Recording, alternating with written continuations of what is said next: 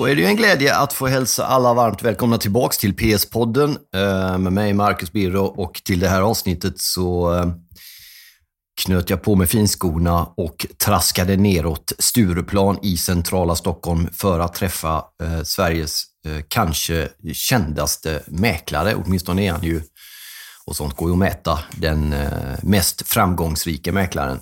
Ehm, Eh, Niklas Berntsson heter han och jobbar ju på firman Eklund Stockholm, New York.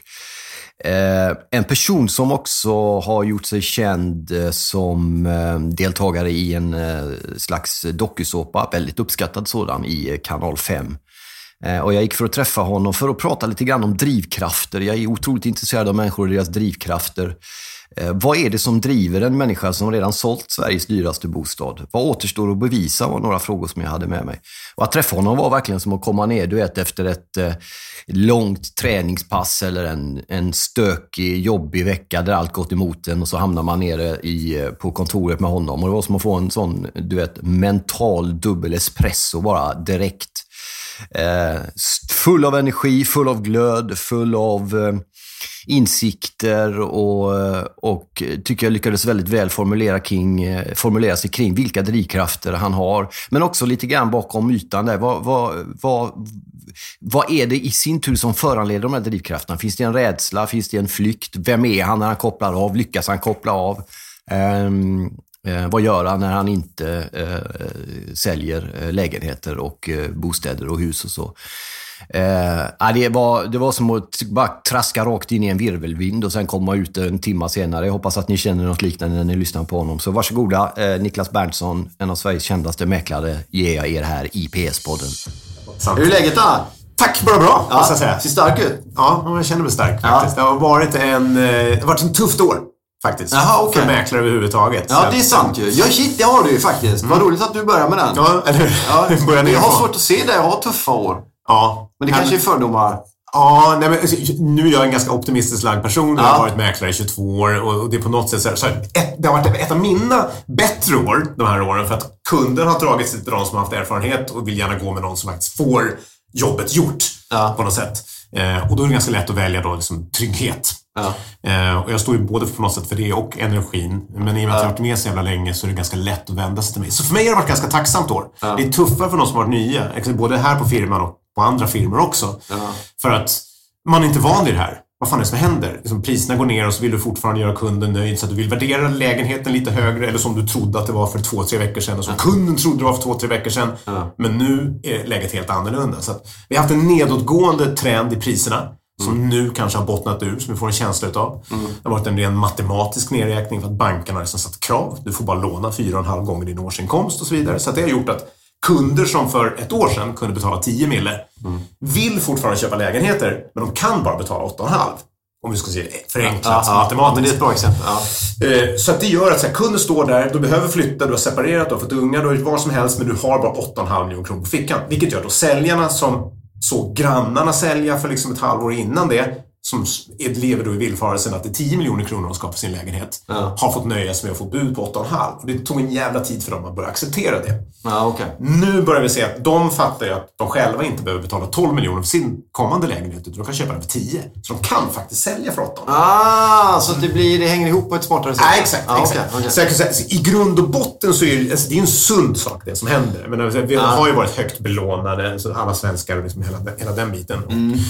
Sen är det så här, bubbla är jävligt svårt att veta om det är, för du vet ju bara om det om, vad är ett värde egentligen? För det är vad folk någonstans är beredda att betala. Men jag skulle säga att det här kan man ju till marknaden ganska ordentligt och gör det ganska stabilt. Mm. Alltså om folk nu inte är överbelånade i relation till sin inkomst, bra, då har vi definitivt en mindre risk för en bubbla. Så att, I grund och botten sunt, men det som hände under den här perioden då, det är att vi mäklare har haft lite, tar lite längre tid att sälja objekten.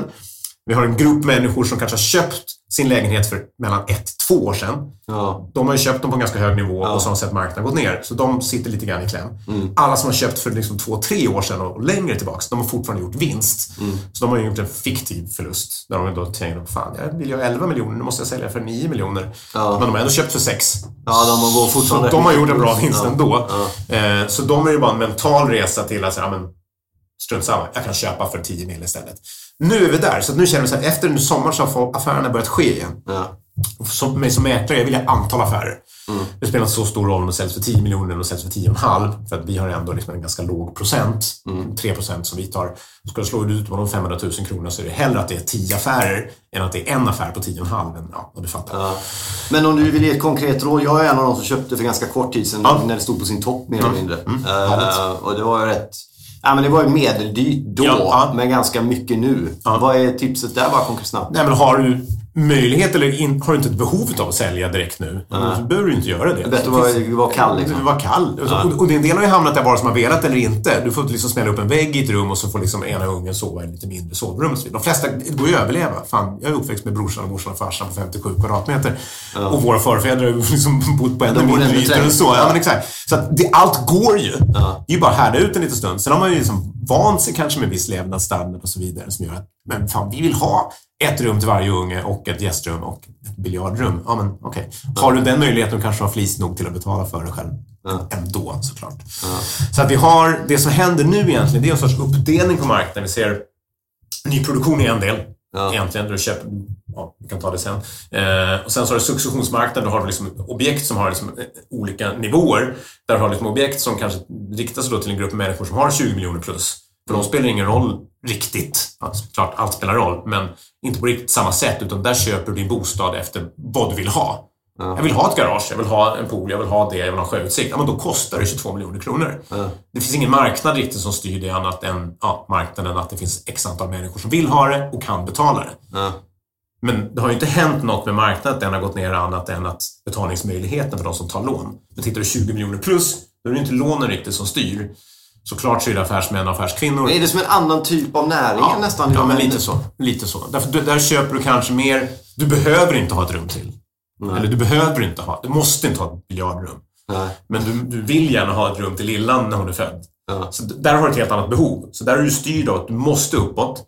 Och där är du styrd också hur mycket kan jag betala för mig. Så mm. där har liksom den normala marknaden, så ettor till femmor styrs till viss del då utav behovet mera. Ja. Ju större våningar du har, du kanske inte har samma behov utav det, men det kan vara en egopryl eller att du vill bo på ett visst område. Du har råd att bo där för att du har tjänat väldigt bra med pengar. Du har sålt en app eller du har gjort någon exit med bolaget och så vidare. Så vill du bo jäkligt färdigt. Så där ligger prisnivåerna fortfarande högt. Ja. Det tar lite längre tid att sälja. Ja. Medan den normala marknaden har då varit liksom tagit sin smäll utifrån den matematiska nedräkningen från vad du faktiskt får lån på. Nyproduktion istället, de har ju tagit smällen. Där har ju många köpt bostäder nu för två år sedan. Nu är det färdigbyggt och nu ska de flytta in och nu ska de sälja sin nuvarande bostad ah, som de bor i. Värdet, ah, så har värdet sänkts, men de har inte riktigt råd kanske att gå in i sitt nya boende. Så där har det skapats en... Det, det är en, en ja, det, det, är ett problem helt ja. enkelt. En del har ju inte råd då helt enkelt att gå vidare i sina affärer eller banken kanske inte godkänner deras lån och så vidare. Så där har du en, en friktion just nu på marknaden. Men om man tar då det, det som du gör, om vi börjar där lite grann. Mm. Det, du är liksom på någon form av, om man ser utifrån, längst upp, högst upp i... Vad förenar mm. dig med en kille eller tjej som säljer lägenhet i Tumba? Alltså? Men, alltså, jag har undrat det. Liksom. Ja, men alltså, vårt jobb är exakt samma. Ja, så det är ganska intressant. Du mycket mer pengar. det gör jag kanske. Men ja. jag hade gjort det Tumba också. Alltså, jag har... Sen, sen, sen, sen, den dagen jag började jobba egentligen så har jag varit en av de mest högpresterande mäklarna på den filmen som jag har varit på. Ja. Där jag har sålt mest. Jag har sålt mest i Sverige. Men var kommer drivet ifrån om vi börjar där? För det är ju galet driv egentligen. Ja, nej, men... Är det mäklargrejen som kom först eller var drivet först? Jag antar att drivet kom först. Jag hade en, en, en kompis pappa som tyckte att jag skulle bli mäklare. På den tiden var det jävligt enkelt att bli mäklare. När var det här? Det här var alltså då 95, 96, 90, 90, årsskiftet 95, 96 tog min examen så jag fick väl tipset om det här 93, 94 kanske av min, min väns pappa. Ja. Jag var inget så jätteläs huvud på det sättet men, men ja, jag ville någonting och jag var beredd att göra det som Vad var det du ville då? Nej, men jag, jag, jobbade, jag var ganska konstnärlig av mig. Ja. Jag hade ju nog hoppats på att komma in på reklamskola och så vidare. Ja uppenbarligen så tyckte jag väl med att jag var konstnär när jag var där, så jag inte ah, lyckades okay. komma in på, på ah, reklamskolan. Ja. Fair enough. Men, ja. men då kanske själva säljdelen i den här reklamdelen låg mig väldigt nära. Ja. redan från när vi var små, så jag och min bror, vi, vi tjänade pengar på gården, skakade ner plommon från ett plommonträd och plockade små påsar och sålde till gamla tanter som vi tjänade slantar på, för då kunde vi köpa mer godis och mera glass på rasterna. Och det, det, var, det var så enkelt att göra det.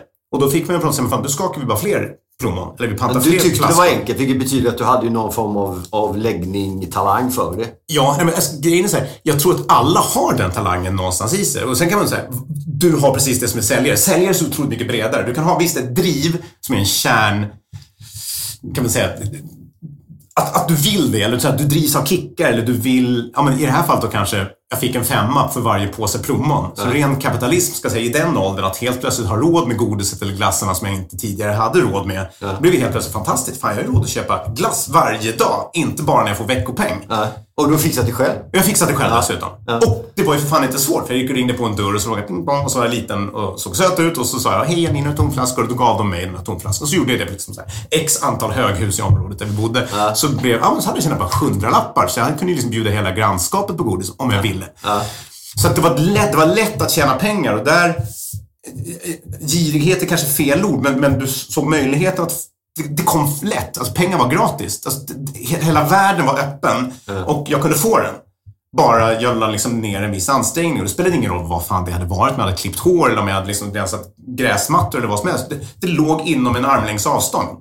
Och det gör det nog för de allra flesta människor egentligen om du är beredd att göra det som krävs. Om du kan såklart, en del kanske inte ens är en ren fysisk Vad är det man måste vara beredd att göra då? För om, varje gång man säger att man är beredd att göra någonting betyder det att man behöver ju även göra en del uppoffringar så- såklart. Ja. För grejer man inte får göra. Nej men exakt. Jag, jag, jag, jag, var tvungen att sluta gunga och jag var tvungen, att, tvungen att spela Burken är sparkad. Och så jag, fick jag gå i trapphusen istället. Och så fick jag ju välja de två sakerna mellan varandra. Å andra sidan kom jag ner Vems plommon var det du plockade? Nej men det här, det var, på den tiden så växte de här fina växte ju Ah, fritt. ah, Både okej. gråpäron, äpplen och plommon. Plommon var det, och det trädet stod kvar vid Skärmarbrings tunnelbanestation. Ja, så det var aldrig att du var inne på... Nej, nej, nej, nej, nej, nej, nej, nej, då hade det varit kylt. Ja, exakt. Men jag bara kollar. Ja, nej, precis. Nej. Jag hade nog kunnat palla äpplen också. Men nej, det behövdes inte. Nej. Det var ju fanns ju parklekar och grejer som var öppna på den tiden. Kanske finns fortfarande. Men, eh, så då skakade man det precis bredvid tunneln. Så att man, det var ju nära till källan till att hämta plommonen och det var nära källan där pengarna var. För Ja, okej. tanterna kom ju av tunnelbanan. Nära Så- varandra dessutom. Så vi hade med oss liksom plastpåsar upp dit som vi fyllde och så tog man fem spänn styck på dem. Så sålde man från Ja, okej. pakethållaren. Ja. Men det där är ju liksom, för jag, jag har ju träffat massa olika människor i olika sammanhang. Jag vill ta som ett exempel en sportkommentator som sa att när han var liten så berättade hans mamma för honom att han satt och kommenterade matcher. Ja, han var, och han blev det sen. Han hade liksom inget alternativ egentligen. Har du haft någon, Nej någon väg eller något tillfälle i ditt liv där du har tvekat eller tvivlat på att det är det här du ska göra? Men jag är alltid där. Alltså jag vet fortfarande inte vad jag ska bli riktigt när jag är stor. Och sen var det verkligen en tid som i skolan där som jag inte var bäst i klassen eller liksom hade toppbetyg. Samtidigt hade jag, liksom, jag hade aldrig någon oro för att jag inte skulle bli något, men jag visste nog inte riktigt vad jag skulle göra för någonting. Alltså jag har ju varit croupier och liksom suttit och räknat kort och delat liksom, eh, på konstiga platser. På bottenvåningen hos Hotell Continental, det var ett jävla rövhål kan jag säga, på den tiden. Mamma var inte helt glad att jag satt där nere bland Var det stökigt, gangstergubbar. Ja, det var, det var, det var stökigt. Ehm, men ungkillen var- blev ju ändå liksom omtyckt där på något sätt. Man blev omhändertagen av de här gubbarna då. Om man inte delade fel. Eller Ja. De förlorade för många gånger. Då kunde bli stökigt. Det låter ju livsfarligt. ja, ja, men det var samtidigt ganska lärorikt och det var kul. Ja, men, allt från att servera på restaurang, stått i bar, varit reseledare. Men det är väldigt socialt utåtriktade grejer. Ja, men det blir väl kanske om man är ute. Jag, jag är ju uppenbarligen som du Ja, säger, ja. ganska social och lätt pratad av mig. Ja. Så jag tycker ju om att göra saker som är där. Och, och de jobben är ju inte, kräver ju inte en kunskap som en civilingenjör, någon som ska räkna på bärighet på en bro eller något liknande. För det har, det har inte jag kompetens nog till att göra. Eh, men det är lätt att prata med folk. Så, här, så där har du kanske grunddelen, att jag inte är rädd för att göra det och att jag kan, man kan tycka att saker och ting är ganska enkelt egentligen. Fast det är ju talang. Ja, ja. Om man tycker att något är enkelt så har man ju någonting, man har en grej nedlagd vad man I guess, I guess. Men, men där har du kanske 5% av verkligheten sen Ja. vad, vad som är Vad är resten, framgångsrikt. Ja, men det, på något sätt att se en helhet. Jag försöker så här sk- skala ner det just nu för jag ska ha en föreläsning nu för SPP om några veckor bara. Ja. Om Eh, vad då? Försäljning. Jaha, hur, okej. hur, hur gör jag för att liksom Ja, kunna, kunna den sälja frågan. mig? Ungefär den frågan som du har. Men, och, och det jag kommer fram till mer och mer, det är just att allting är en helhet. Allting är sälj. Det du och jag gör just nu, det jag pratar om här i mikrofonen som folk hör, kommer ju få dem att tänka sig vilken idiot eller fan vilken skön snubbe. Ja. Förhoppningsvis tycker de vilken skön snubbe och det leder då till mittpunkten som är själva Jag kan säljet. ta idiotdelen Ja, nej, men hur? Tack. Jag gillar det. Jag är van. Ja. Ja, men, och det gör ju då att då kanske jag får deras uppdrag att sälja. Vilket är med hela mitt jobb. Allting går ut på att jag får uppdraget att sälja ett objekt. Ja. Har jag uppdraget då kommer huset eller lägenheten att säljas i 99% av fallen i alla fall. Ja. Så att allting går tillbaka dit. Att folk på något sätt tycker att men, honom vill jag anlita för att sälja. Och det går ju ifrån om jag bråk, bråkar med min fru på morgonen och hon klagar på mig på jobbet och så ska hennes kollega sälja sitt hus. Då kommer ju inte hon be om hennes mans nummer. Nej, nej. Eller hur? Men om nej. hon, hon, hon älskar mig och tycker att jag är fantastisk och jätterolig och berättar det på fikarummet så kommer hon och säger du jag ska sälja mitt hus. Kan så att, alltså, ja. Från det lilla till det stora så är allt vad jag gör under hela min livstid kommer speglas tillbaka till punkten sälj. Ja. Så att många kan ju tro att det är så här, jag kan prata om kullen kund när jag träffar dem. För det, det är ju inte det jag gör. Utan folk kommer gilla mig eller inte gilla mig och kommer vilja anlita mig. Ja. Oavsett om jag liksom hälsar på receptionisten när jag kommer in och är glad och jag hjälper att gratta folk som det har gått bra för eller kommentera folk som jag ser har klippt sig eller är bruna. Eller, och det kan jag tycka är jag, jag bara är sån kanske, så att där kommer möjligtvis kanske turen eller talangen in. Ja. Men det, så här, om du föser ihop alla de olika delarna och fattar att allt det du gör, mejlet du svarar på, hur snabbt du svarar på mejlet, hur snabbt du svarar på ditt sms, om du svarar sent, om du svarar långsamt, om du liksom kommer tillbaka till en kund med ett välskrivet... Det är ganska enkelt egentligen. Men där tappar då liksom mina kollegor, det spelar ingen roll om du är i Tullinge eller Huddinge eller om du är liksom på Östermalm eller om du är i Göteborg. Därför att ju snabbare du svarar på hela mejlet, desto fler uppdrag får du. Och har jag 100 uppdrag i Tullinge så är det mycket, mycket, mycket, mycket mer än 10 uppdrag på Östermalm i alla fall. Därför att jag måste bara ha antalet bulk egentligen för att göra. Så att jag kan säga att de mäklare som jag kan plocka upp som är hungriga, de hittar jag oftast hos de stora kedjorna. För där har du lärt dig liksom metodiken att du måste så jobba successivt. Det är en matematik i allt, i pokerspel eller vad det än är. Träffar jag 100 kunder kommer jag sälja 10 lägenheter. Okej, då träffar jag 1000 kunder. Men den som är lite bekväm utav så tycker det är skönt att träffa 10 kunder, han kommer ju bara en affär. Ja. Fine, det är cool. Du får vara bekväm. Du får göra bara en affär om du vill. Men då är så frågan, hur kan du sälja så mycket? Ja, men för att jag träffar 1000 kunder. Men, men du har ju samma antal timmar per dygn som alla andra. Jo, men jag får utnyttja dem kanske effektivare. Hur gör man det då?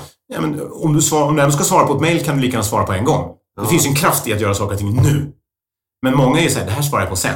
Aha. När jag är lite lugnare, eller jag har inte folk runt omkring mig. Men Men om det kommer tio mejl på fem minuter, då måste du välja något att svara på ja, först. jag kan ju, behöver inte svara så långt till exempel. Jag kan ju svara och säga hej, jag kontaktar dig lite senare. Bara att, så här, bara att du har varit snabbast tillbaka tycker ju folk att säga, shit, den här killen är på. Men han ringer mig sen. Så du, du behöver inte ta jobbet nu. Du kan bara så meddela Nej, men han- att du jag har sett dig, jag har hört dig. Och så, och, den, och så kan du på något sätt prioritera, för du ser en kille som ska sälja sin hästgård helt plötsligt. Han har helt nu. Ja, men honom ringer du upp ser på du en inte gång. ju också det Okej, det är en etta på Ringvägen. Ja, men det, det spelar inte så jävla stor roll för mig. Allting, allting återigen, så, så sträckan, allting innefattar sälj. Så att, att jag säljer den här ettan, han kommer ju, jag har jättemycket återkommande kunder. Mm. Och hans pappa kanske säljer sin hästgård. Så ingenting är så att Ah, jag, jag du tar inte en mindre för att den är mindre, eller en större för att den är större. Självklart blir det ett högre arvode för en större, men det är kanske också någon som är benägen att pruta mer och så vidare. Det är kanske en vidrig kund. Helt enkelt. Alltså, så här, den ettan kanske säljer jag tre ettor så tjänar jag mer arvode än jag säljer en sjurummare. Så att jag menar så här, hastigheten är mycket snabbare för att det är lättare kunder att ha att göra Men är det, du, du är dyrare va? Så att om man... Ja. Ja. Så då är det ju... Men, är det medvetet att lägga sig för att...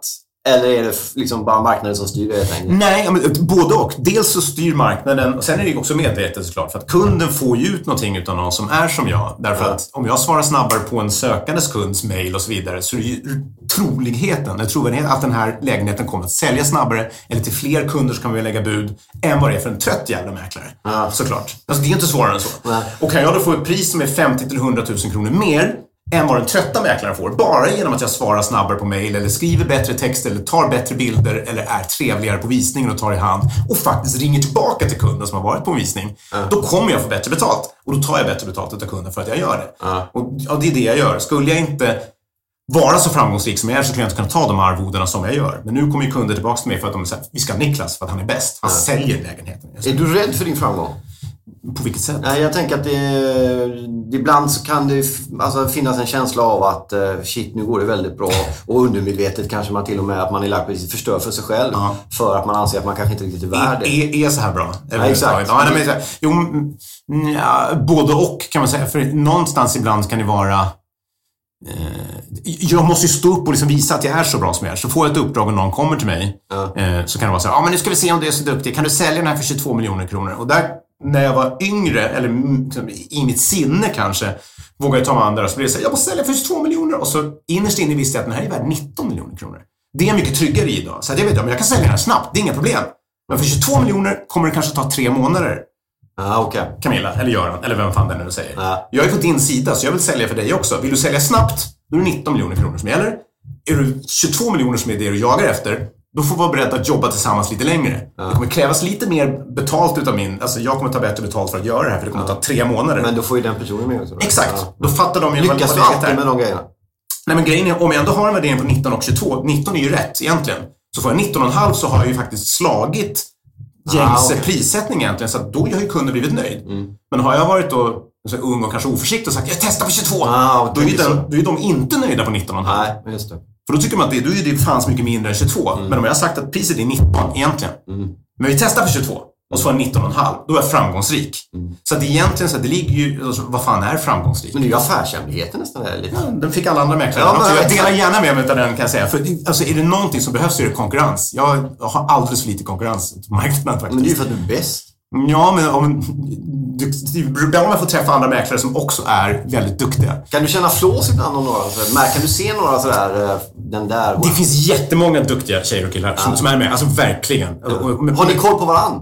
Ah, nej, jag, alltså, jag har varit mäklare i 22 år så jag vet ju några av de som är liksom duktiga. Så det vet jag. Jag tror många fler har koll på mig än vad jag har. Ja, eh, koll på och, och, och, så, men, men, det låter Nej, men det är ju många olika anledningar. Vi kan komma in på, på lite utav dem sen. Ja, men, exakt. men så var det även i början. Folk, jag förstod aldrig riktigt det. För folk på kontoret Åh, har du sett den där lägenheten som Göran på Bjurfors har ute?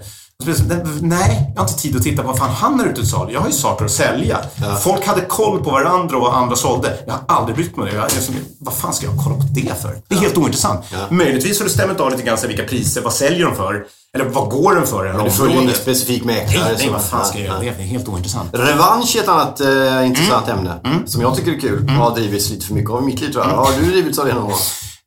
Ja, ja, men till viss del kan jag kanske säga ibland. Jag, jag, jag kommer ju inte från jätte... Som, rika förhållanden. Äh. Revansch kanske är fel ord, men däremot jag har en bevis lusta för mig själv hela tiden. Det är kanske en förbannelse lika väl som någon, en styrka. Det är att jag, jag tål inte att någon skulle liksom vara, inte bättre än mig som jag måste slå, utan som tycker att de är bättre än mig. Alltså som sätter sig över mig. Ja.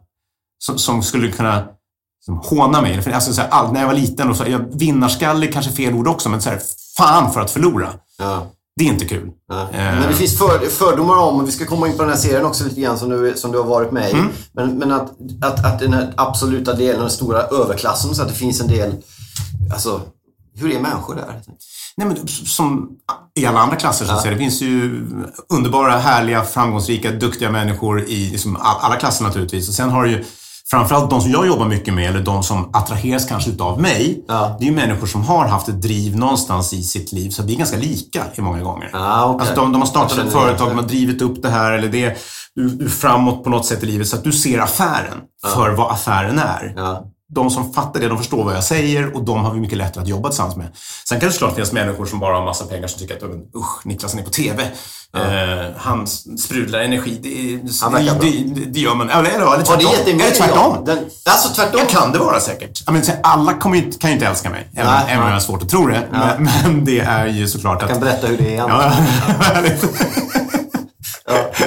Nej, men så, och där är det ju lätt att eh, kan man säga så här, jag är på ett visst sätt och det accepterar jag mer nu när jag är äldre. Att jag fattar att alla gillar ju inte det här som jag är. Alltså så här, är i en podd eller är på TV. För en del ska ju verka utan att synas. Ja. är ju liksom ganska så här vedertaget i... I lite högre ja, men, ja, men exakt. Mm. Och då tycker man så här att vara på TV, det är ju lite... Ah, de tycker det är lite vulgärt. Ja, men vulgärt. Vulgärt bra ord. Ja, men, absolut. Så är det. Men, och då försöker man förklara för dem, du behöver inte du vara. För du, ser, du är bara med i TV om du ser en vinning i det. Ja. om du tror att du får ut bättre betalt genom att vara med i TV, då ska du vara med där. Ja. Om du inte ser det, då ska du såklart inte vara med där. Har det visat sig vara så då? Ja, nu, problematiken har ju varit att vi har spelat in ena månaden och så har det visats liksom två månader senare. Och vid det laget har jag redan sålt det här objektet i alla fall. Ah, så att okay. det har liksom inte gett den effekten. På några objekt, ja, då har det varit fantastiskt bra. Ja. Men rent allmänt? Rent allmänt, bra effekt. Positiv effekt. Vi har ju skapat en kännedom, vilket gör att man är en, en auktoritet på något sätt inom mäklarbranschen. Så folk kommer på en visning och så ställer de frågor. Folk köper ju då sin dyraste sak någonsin i livet i princip oavsett vad du köper. Om det är en ettan, en tvåan, en hästgård eller vad fan det är. Mm. Så det är en väldigt stor privat investering. Mm. Och där vill du känna trygghet. Och går du då till någon som du känner och som du litar på så är det lättare att känna den tryggheten. Och det har ju då TVn gett mig. För jag har kommit ut hem till folk, folk känner igen mig. Eh, det finns en trygghet i att jag, jag är på något sätt ändå en offentlig person. Så kan inte säga vad som helst kanske de kan tycka och så vidare. Mm. Så det har gett mig en, en auktoritet. Så när jag pratar med folk så lyssnar folk på det. Ja, men det stämmer. Mm. När jag var ny som mäklare eller okänd mäklare så många som tyckte, ja men fan, ja, men 19-22 miljoner kronor. Nej, nej, nej. Jag har sett grannen sålda för 22 miljoner. Mm. Och så försöker jag förklara att 19 miljoner kronor är rätt. Mm. Ja, men grannen sålde för 20... Alltså, de vet bättre än mig. Fast jag har varit mäklare i 22 år och jag säljer sålt liksom över tusentals lägenheter. Så kan de ändå bättre själv. Mm. Nu så förstår de att det jag säger är sant. Så det underlättar för dem och för mig att, att de lyssnar bäst, att vi gör rätt. Mm. För det är bättre att få 19,5 än 19. Om du ska se det riktiga värdet. Mm. Och för, för, en köpare som känner sig trygg, då är det lättare att köpa det här objektet också. Så det är vinna, vinna, vinna, vinna åt alla håll och kanter. Och framförallt för min del. Så det har varit, ja. TV har varit bra. Ja. Eh, men om vi stannar kvar bara vid den där. Det blir ju en, en annan del av, av tillvaron. Alltså, jag är ju intresserad av offentlighet, vad det gör med människor och ja. Vad, Hur har det påverkat dig liksom, i ditt privata och som människa, inte bara i yrkesrollen? Ja, nej men på... Det positiva har ju då varit att ja, det är lätt att känna igen när jag har fått en viss auktoritet. Så det som har varit lite jobbigt, det är att man känner att folk liksom nu låter det för jag är, jag är D-kändis, alltså så här, TV. Men, men jag syns ju ändå ganska mycket överallt i TV och Ja, men det är väl fan, det är en stor kanal och populärt program. Jo, nej, men det räcker långt. Ja, det, ja, det gör det. Absolut. Och att folk tittar ju på det och så vidare. Och det kan, man kännas, kan kännas lite obekvämt ibland. Du är på stan menar du? Ja, nej, men, det är kul såklart ja. för det mesta. Ja. Men det kan också vara som jag är ute med grabbarna och, och liksom tar en dry martini för mycket så är det ganska skönt om de inte tittar också. Ah, där är han med. Ja, eller hur? Precis. Ja, och så tror jag, så säger han, har nog druckit tio innan fast man inte har. eller hur? Precis. Gärna, ja, ja, precis, precis. Eller Beyoncé därefter bara en och så har man ja, tio innan. ja, det är nästan ännu värre. ja. Men nu är det ju på någon form av topp-elit när det gäller i Sverige och så. Det är ändå en begränsad marknad med de här summorna vi pratar om, husen. Vi ja. pratade innan vi drog igång om det här tornet i Göteborg som ska vara färdigt 2021 va? Ja. Och sådär. Det finns ju ändå, men i andra delar av världen är det på annat sätt. Längtar du bort till större världar? Men nu har jag familj och barn och nu är de som tjejerna, äldsta tjejen fyller 17 år, 15, så att det har gjort att jag liksom suttit ganska fast i rötterna här. Ja. Hade jag varit yngre så hade jag garanterat dragit till New York och liksom sålt där. För det finns ju... Dels för att det kanske är som ett äventyr mer i sig. Ja.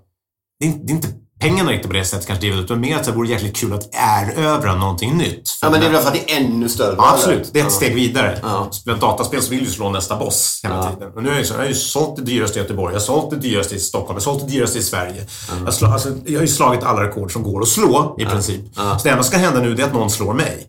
Jag har ingenting kvar att slå längre. Nej. i Sverige. Eller, du, du, du kan bara förlora om man ser på det sättet. Precis, ja, ja, ja, absolut. Eh, och, och, det bör jag göra, för det ska ju komma duktiga tjejer och killar som liksom slår mig på fingrarna. Och det är det ju som i, i, i, vissa fall, på vissa marknader och så vidare. Just nu har jag titeln. Liksom. Det är ja. jättehärligt, men då är jag ju flåsad i nacken istället för att jag själv flåsar. Det är alltid skönt att slå underifrån. Ja.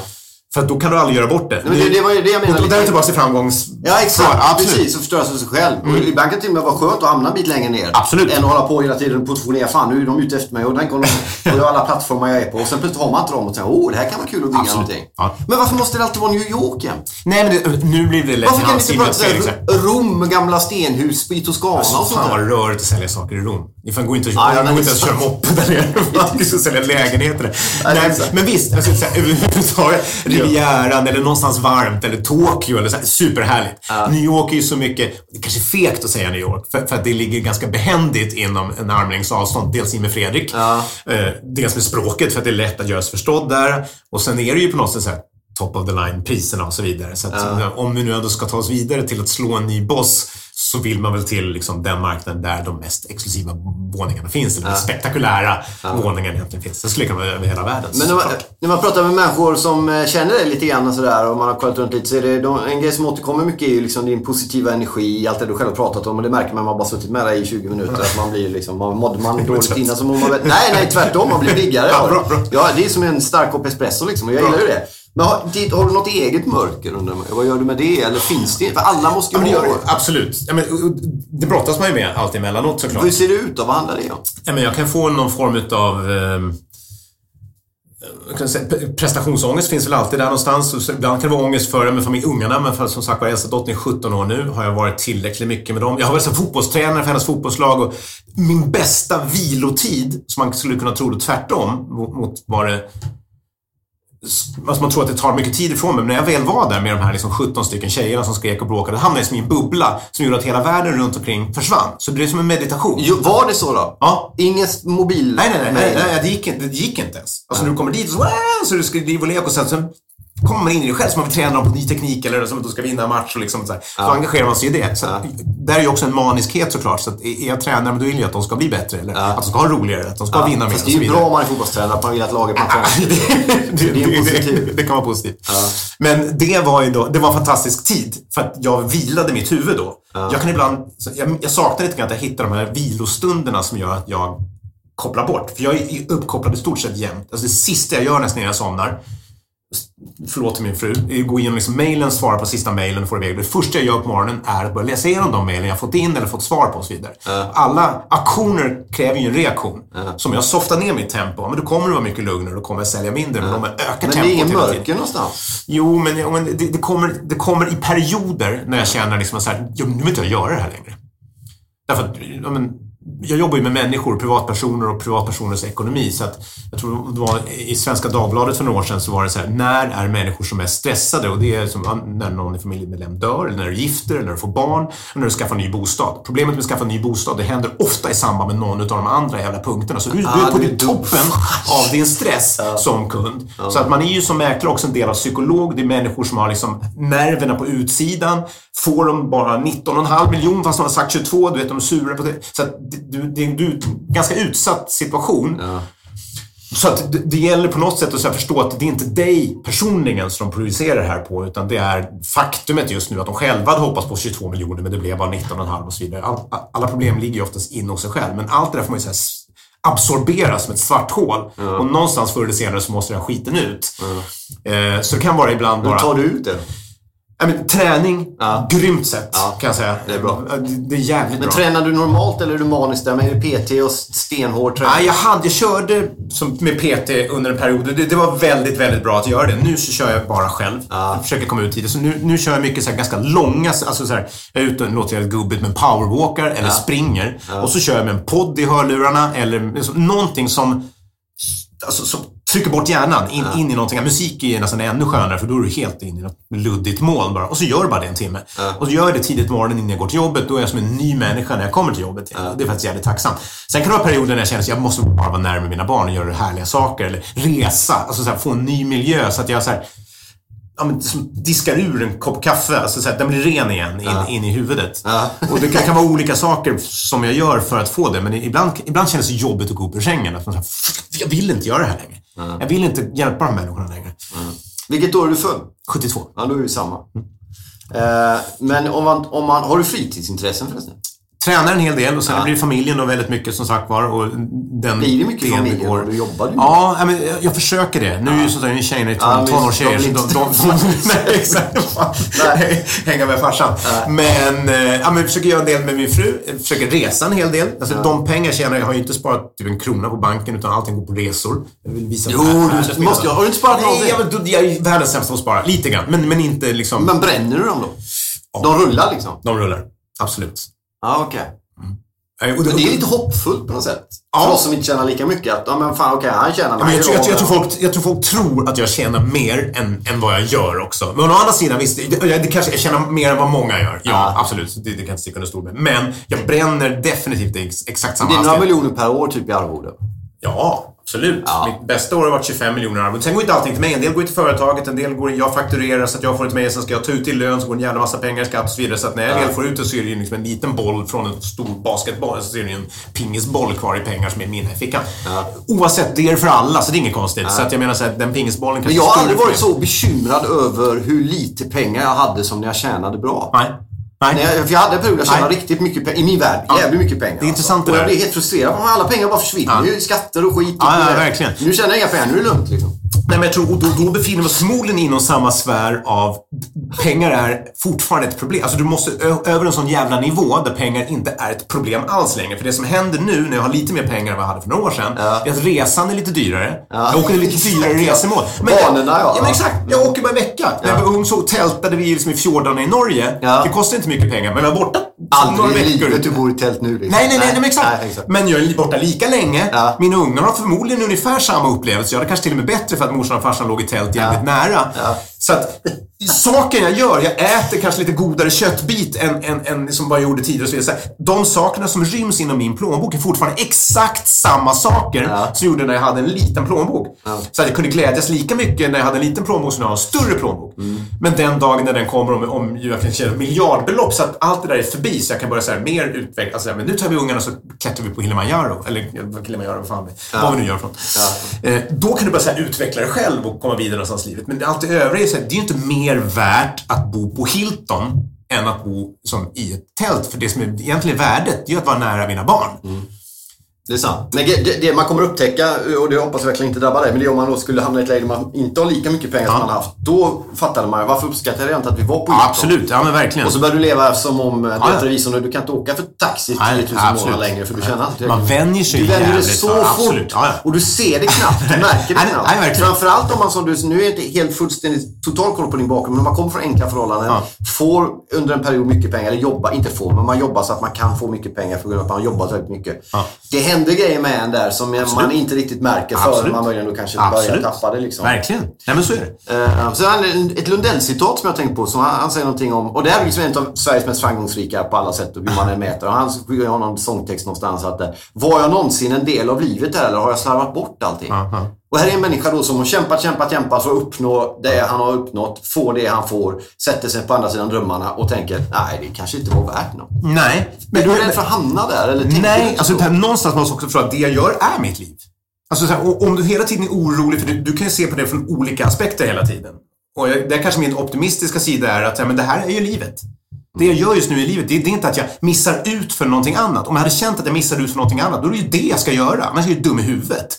Då måste jag göra det. Då är ju det livet för mig. Men då, då missar jag ut från att göra det här, eller det där, eller det där. Så åker jag till Dubai, ja, men då kan jag inte samtidigt vara i, i Oslo. Åker till Oslo kan jag inte samtidigt vara i Kina. Alltså jag kan bara vara på Nej, en men du var inne på att snurra lite med barnen där liksom. Absolut. Många av oss som jobbar för mycket. Eller, vad- Nej, absolut. Visst, du vill hitta en balans Ja. någonstans som gör När du inte har balans, då kommer mörkret såklart. Så att du vill ju någonstans hitta en så pass god balans Men har du hittat in då? För du uppenbarligen verkar ha en. Ja, nej, men exakt. Och jag försöker vara väldigt mycket med familjen och med barnen. Framförallt när jag är där så försöker jag få den tiden att på något sätt räknas ordentligt. Ja. Eh, och sen kan jag, såklart, jag kan vara mycket sämre och bättre. Mina barn kanske skriver en bok om mig när de blir äldre och, och säger att jag inte var där. Men det har jag varit. Alltså, om jag har varit med fotbollstränare, jag skjutsade varenda jävla match, jag är där. Jag, jag tycker att det är kul, jag tycker att det är intressant. Jag tycker det är minst lika roligt att titta på när Ina, min yngsta tjej, spelar fotbollsmatch som att se Gnaget spöa Bajen. Liksom. Ja. Eh, roligare till och med. Ja. Så, så är det ju så här, då har jag en så otrolig närhet att vara där och hon känner att jag är med och så vidare. Man sitter och pratar om matchen i bilen. Är du AIK-are? Ja. Ja, okej. Stäng av nu. Nej, nej, nej. Absolut inte. Jag, jag känner Björn Westerlund, sportchef där. Jag var nere jag fick nere i katakomberna i, i omklädningsrummet kul. Ja. inför Häckenmatchen. Friends i Vall, ja. Ja, det var väldigt fint alltså. Om vi avslutningsvis tar lite ur mäklarvärlden ut nu då. Nu läste jag i dagarna här att det hade gått upp ett punkt någonting igen. Det Ja. stabiliserat sig. Vad, vad, vad tror du?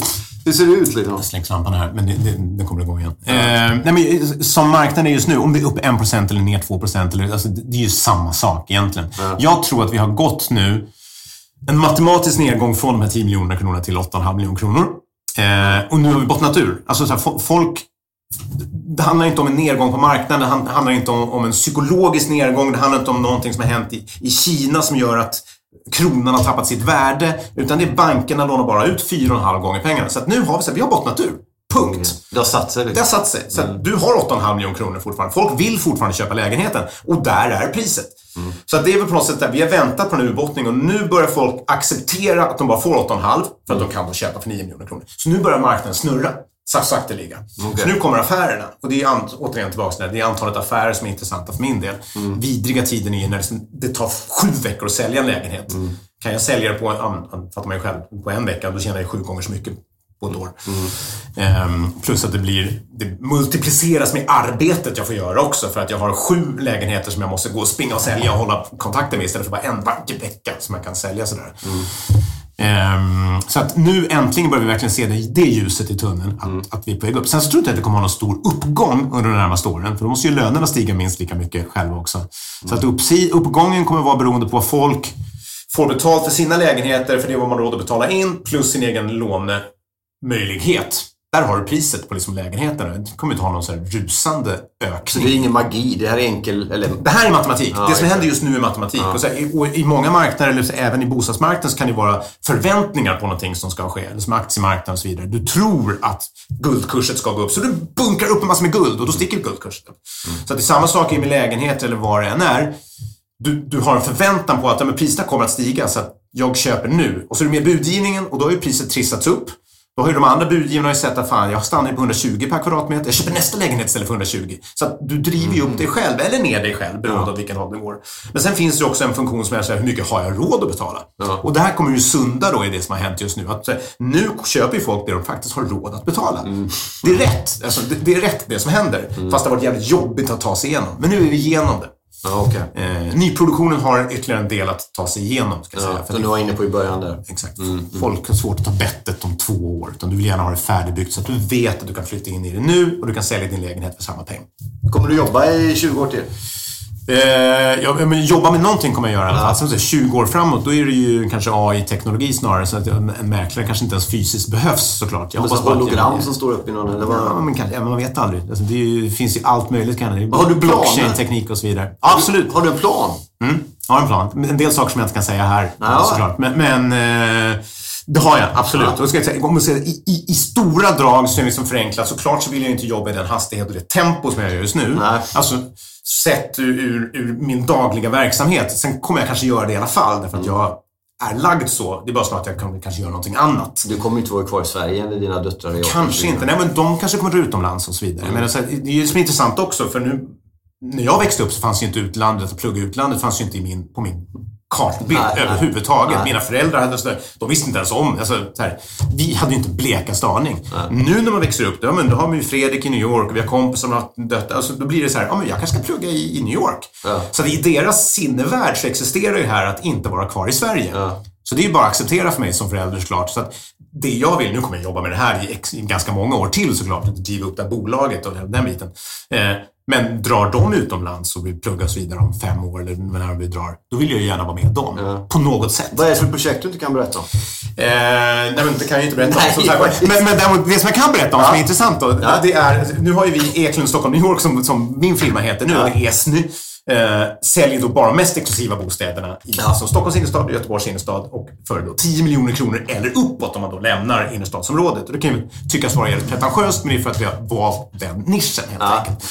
Men det gör ju ont i ett mäklarhjärta när det kommer då en liksom radhus på Lidingö för 9 miljoner kronor och så säger vi nej, vi säljer inte det. Vi Det är så det är. Ja, så är det. Ja. Eh, och det är mäklarna tycker det är jobbigt och de kommer till mig och gnäller och så vidare. Men då, då vet jag att så här, börjar vi till 9 miljoner, tar vi in 8 miljoner, så tar vi in 7 miljoner. Så till slut så är inte varumärket det det ändå är. Nej. Och är det någonting du slåss med på marknaden så är det ditt varumärke. Och vi har ett starkt varumärke.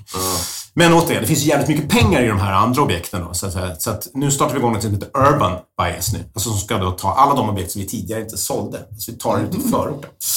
Eh, och när det växte egentligen var när vi, vi säljer mycket nyproduktion. Ja, som tornet nere i Göteborg, det är så spektakulärt så det kan definitivt ESNY ta. Men vi har också hjälpt till byggherrarna att göra väldigt så här, inredningar och så vidare i mycket av de projekt som säljs. Ja. Man hjälper till med paketeringen, namnsättning. ja, Men eh, allting säljs mer som ett koncept egentligen idag. Mer än att det är en faktiskt bara adress som är rakt upp och ner. Och mycket av det är stulet direkt från, från New York. Ja. Det arbetssättet kan du applicera egentligen var som helst. Om det är Sundbyberg eller om det är liksom Tensta eller om det är Vällingby eller om det är på Lidingö. Så var, var det än är så går det att göra. Ja. Men vi har liksom tackat, kom någon med något projekt med 600 lägenheter i Spånga så har vi sagt nej.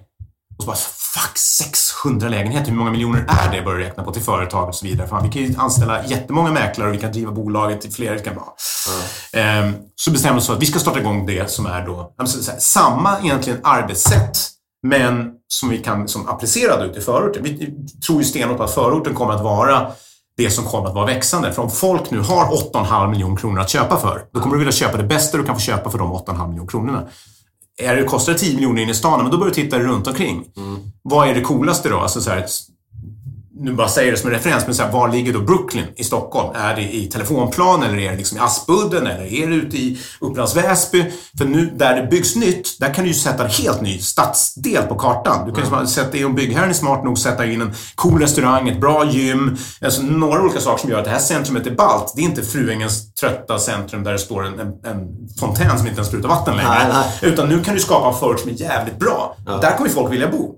Så att jag tror att det kommer en stor explosionsartad utveckling i förorten och därför då, så det här Urban Biasing tror vi kommer att bli som våran om det någonsin ska bli mycket pengar för mig så jag kan sluta bry mig om, om de här köttbitarna jag äter, Ja. så är det via Urban som liksom bulken kommer kunna bli. Men jag kommer aldrig släppa taget om Action Stockholm New York, för det är, liksom, det är vår baby. Den ska vara liksom den starkast lysande stjärnan på den exklusiva mäklarfirman i Stockholm fortfarande. Ja, okej. men spännande. Men så du kommer gå upp en heltidstjänst till? ja, ja, men exakt. exakt. Ja, Skönt, va?